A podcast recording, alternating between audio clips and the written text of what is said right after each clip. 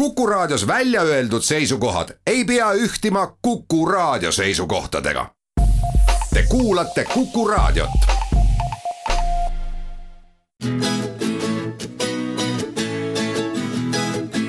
etnoskoop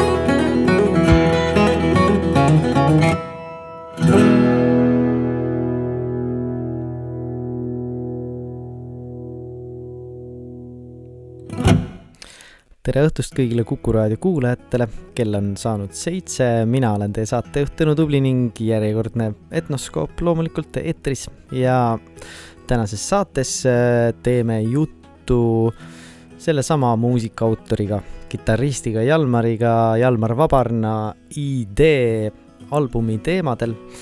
Ja juba kõlas lugu Teine kevad ning äh, enne veel, kui laskume juttudesse, siis äh, palad eriolukord ja sinna otsa lugu nimega Laul sõbrale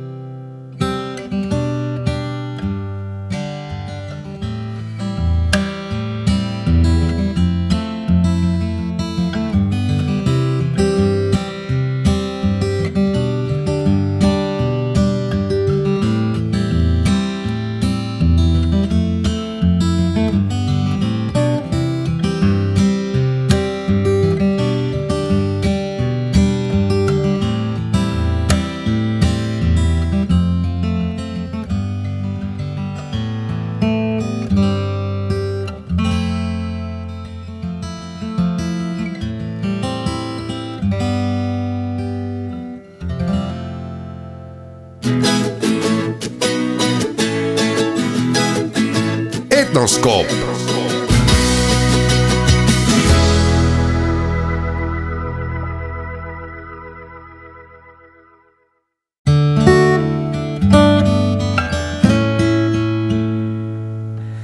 ja oleme siis nüüd äh, jõudnud Etnoskoobi stuudioga ühendusse Jalmar Vabarnaga, kelle albumit ID me juba siin hoogsasti kuulame. tere, Jalmar!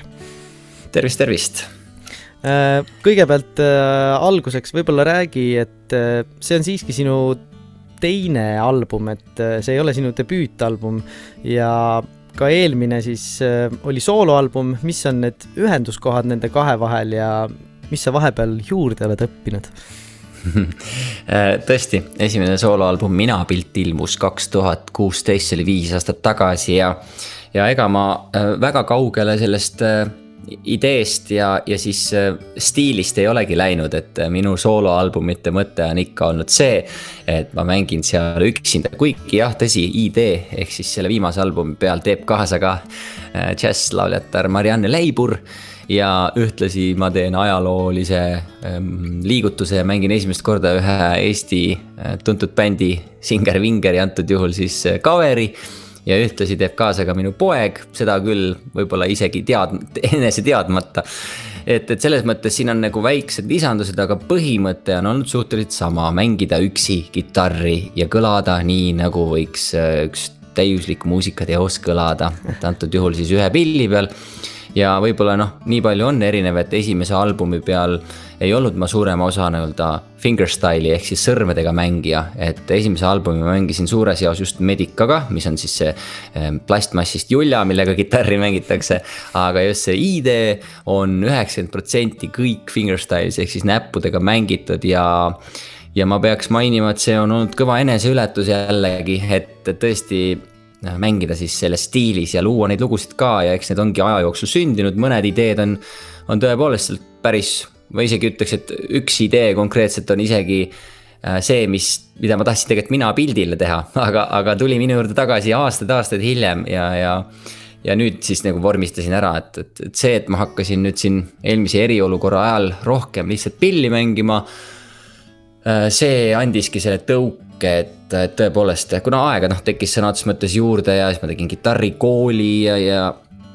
ja kuidagi hakkasin lihtsalt rohkem pilli mängima, siis tekkis ka rohkem lugusid ja, ja me ju kõik teame, et kui sa tegeled millegagi, siis sa ka saavutad selle, kuhu poole see tegevus sind tüürib, et, et see on olnud väga tore ja väga põnev ja meil siin taustaks tegelikult on juba käimas äh, Ära jahtu ka, sest et äh, minu arvates väga tervitatav on alati olnud, kui albumi peal on mingi cover. see on küll võib-olla džässimaailmas natuke populaarsem, aga igatahes äh, minu sõrm püsti, et see on ilgelt lahe.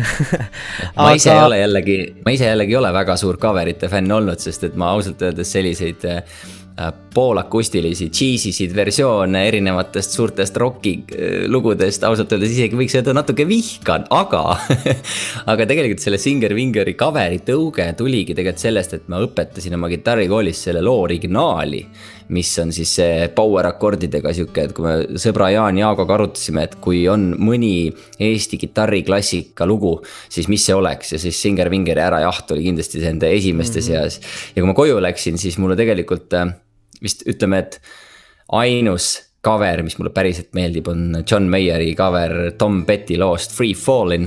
mis on ka John Mayeri top viis lugudest antud hetkel üldse, see on ja see on live Los Angelesist kunagi aastate taga äh, tehtud laivilt siis. et mulle väga meeldis ja kuidagi see kõla nagu tuli sarnane välja ja siis ma hakkasin mõtlema, et noh, hea küll, annan endale selle loa, et teen selle ühe cover'iga siis ikkagi ära, et ta, ta sündis nii kuidagi loomulikult ja minu arust kõik, mis muusikas sünnib loomulikult ongi hea. et, et mhm. äh, hästi palju me ju, ma ei tea, sõna otseses mõttes kirjutame muusikat, et äh, et see asi sündis niimoodi, et ma võtsin õhtul kitarri kätte, ma olin päeval ju, mul pea kumises sellest loost, ma olin õpetanud seda ja, ja, ja, ja kuidagi nagu lihtsalt võtsin pilli kätte, lihtsalt voolas välja, mul, mul läks viis minutit ja see lugu oli nii-öelda valmis, ma lõpuks loomulikult natuke täiendasin seda. aga, aga idee tuli hästi-hästi ruttu mm. -hmm. siis on, siis on minu arust oli kuidagi noh, see, see, see oli paigas. et see on minu jaoks muusikas hästi tähtis vot sa juba otsapidi vastasid minu järgmisele küsimusele ära, aga sellegipoolest, kui kui palju sa nii-öelda siis kuidas ma nüüd ütlen, kitarri keeles nagu tinistad. et see fingerstyle tegelikult ongi sihuke mõnus rahulik äh, nii-öelda tinistamine minu kui väga võhiku jaoks kõrvalt vaadates. aga et kui palju, kui palju sa siiski kuuldes mingisuguseid lugusid näiteks, äh, kui palju sa võtad siis selle peale kitarri kätte ja proovid seda ka järgi teha või, või imiteerida? Väga harva, ma ütleks ja, ja tegelikult eh, jah, see on tore, et, et eh, kõrvaltkuulaja jaoks võib fingerstyle tõesti mõjuda tinistamisena, aga, aga tegelikult on eh, väga sügava matemaatilise pillimänguga, kui sa mängid fingerstyle'i, sellepärast et sa pead mängima pöidlaga ühte asja. tegu on tohutult koordinatsiooni nõudva tegevusega, samal ajal mängima osa akordikast ja siis veel mängime meloodiat ka, et kui need kõik kolm osa kokku panna, et üldiselt me suudame inimestele ikka ühte asja korraga teha. aga fingerstyle'i puhul on hästi oluline, et sa saaksid jah, tõepoolest mitut asja korraga teha ja, ja. ja, ja ta, ta kõlab, loomulikult ta kõlab võib-olla teinekord tundub lihtne, aga, aga, aga see on päris, see on võtnud päris palju aega. et mina hakkasin ma hakkasin fingerstyle'i kui sellist mängima alates sellest ajast, see oli vist kaks tuhat ja kolmteist, kui ansambel Curly Strings sündis ja ma õppisin ära sellise asja nagu Travis picking. ja see tuleb Merle Travis, eesti keeles Merle on, Merle on loonud sellise kindla sõrme siis äh, mustri, pattern'i inglise keeles, sõrmemustri, millega siis saadetakse mingit, mingit laule. ja ühtlasi sealt alates ongi see bassi liikumine, kõik see on tulnud, et. et ta on päris trikiga, aga samas ta mingis mõttes on ka, võiks öelda just hästi lihtne. et, et sellised algelised asjad ma ütlen, ma kunagi Eva Talsile õpetasin seda, eks ole, Eva Talsit kõik teavad. Eva õppis selle viie minutiga ära ja kohe mm. kirjutas mitu laulu, sest et see voolavus, see selline sõna otseses mõttes sihuke, ta on nagu seksikas, ta lihtsalt kõlab nii mõnusalt ja, ja. ja kui sa saadad mingit lugu selle tehnikaga, siis hakkavad asjad kohe juhtuma, tal tuli mitu lugu selle peale ja ma mäletan, et ta oli väga õnnelik, et ta selle ära õppis.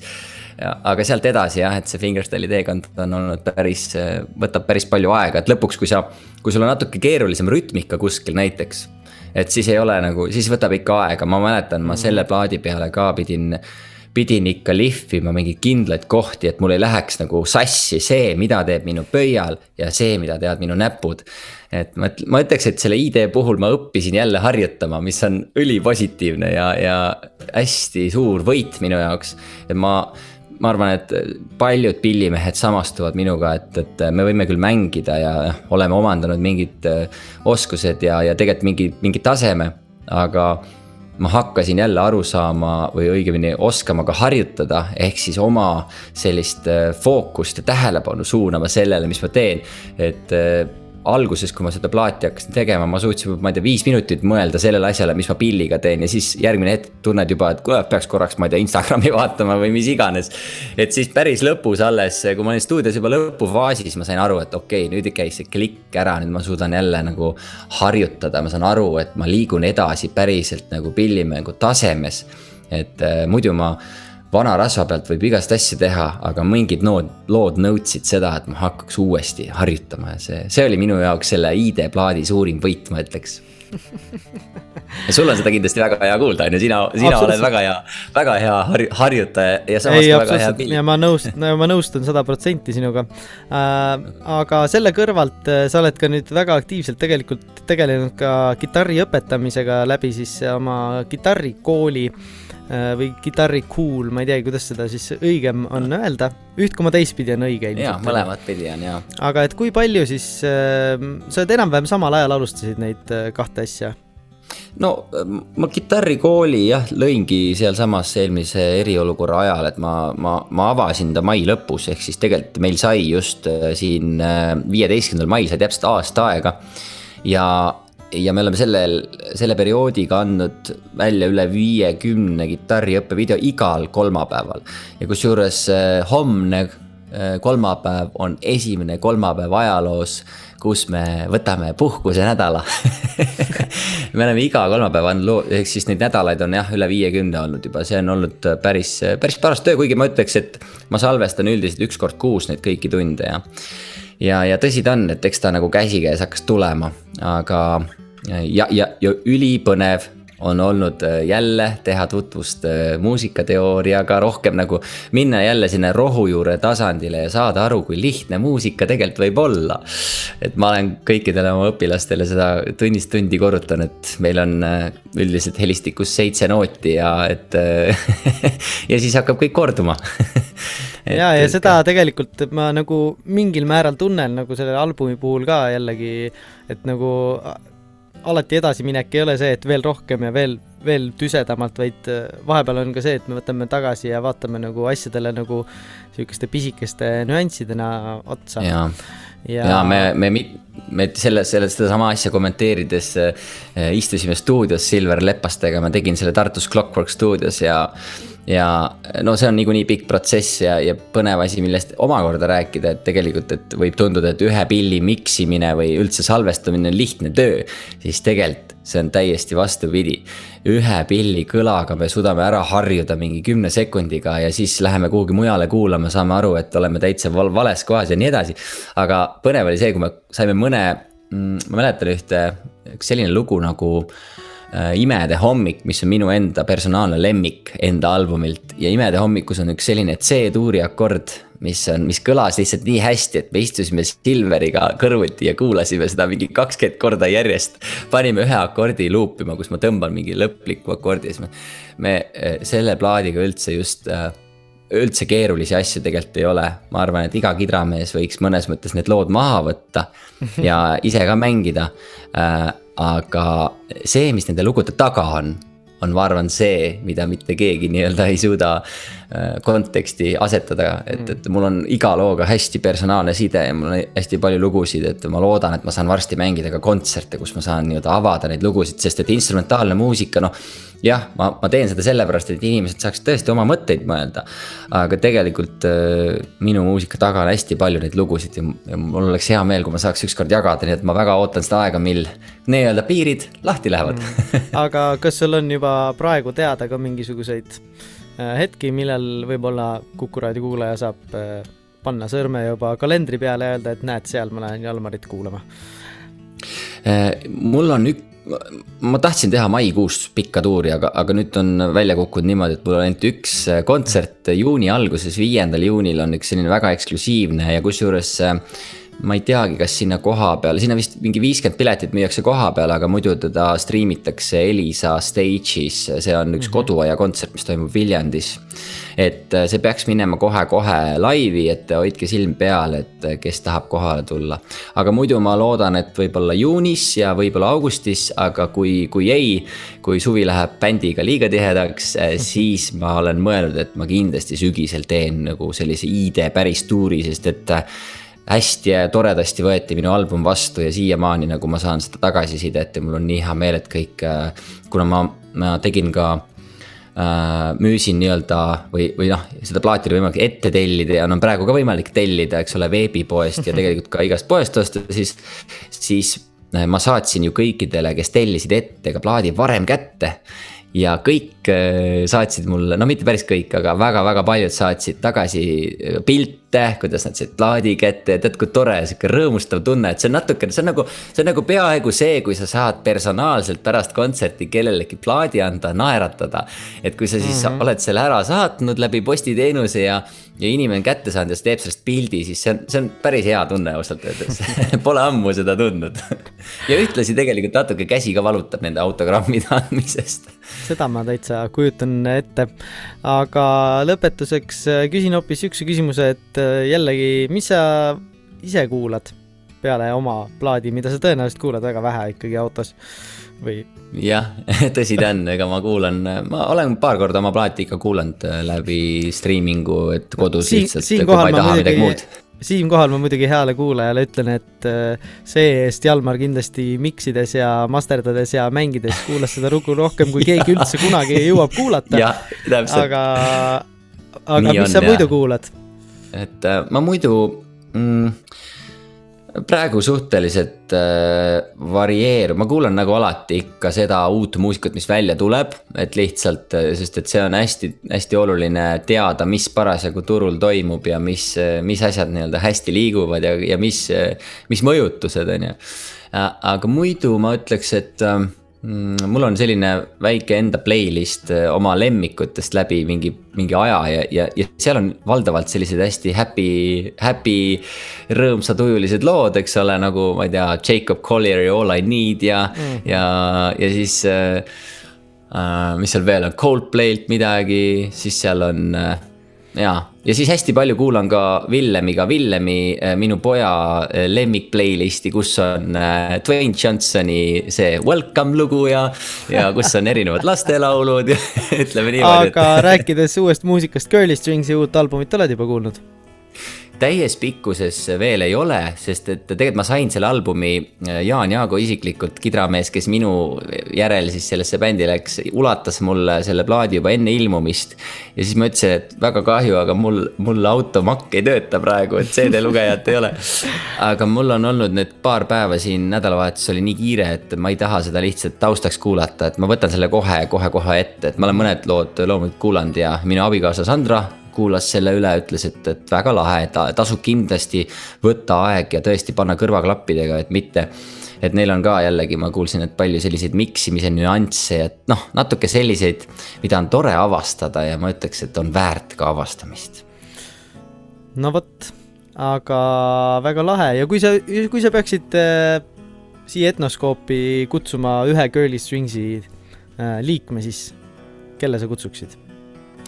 Ma arvan, et äh, Villu Talsi on inimene, kellega on alati ülipõnev, nii et äh, kui sa kedagi kutsud sealt, siis kutsu mandoliini vees, sest et ta oskab ka kitarri mängida ja on üldse lahe segaja, tal tema, tema keerab kõik tavaliselt pea peale, nii et ma arvan, et seda vajab iga saade. Väga lahe, aga sel juhul aitäh sulle, Jalmar ja me kindlasti kuuleme veel ja kuulame veel. Äh, siia otsa. Varsti kõlab lugu Villemile ja selle lõpus ka kuuleme siis Villemit kaasa laulmas. kas see oli stuudios või kodus? see oli kodus ja mina, ma läksin oma, kuidas öelda, mul tuli mingi mõte, ma olin, ma saatsin tema klotside mängu kitarriga, see hästi tüüpiline situatsioon. ja siis mul tuli mingi mõte ja ma jooksin ruttu kööki, panin telefoni salvestama ja samal ajal Villem teisest toast äh, siis hüüdis kaasa. ja no nii maitsekaid voice inguid, ma arvan, äh, ei oska ma ise kunagi välja mõelda, nii nagu Villem laulis, nii et kui te seda lugu kuulete, siis, siis kuulake, kui hästi tabas neid mingeid äh, akorde, et see oli, see oli tõesti muljetavaldav ja ma ei saanud seda mitte sealt maha jätta, et see on tegelikult täitsa iPhone'i salvestus nii-öelda. no vot, aga kuulakem seda pala ja kohtume jälle järgmise albumiga. aitäh, jaa, tore. tšau.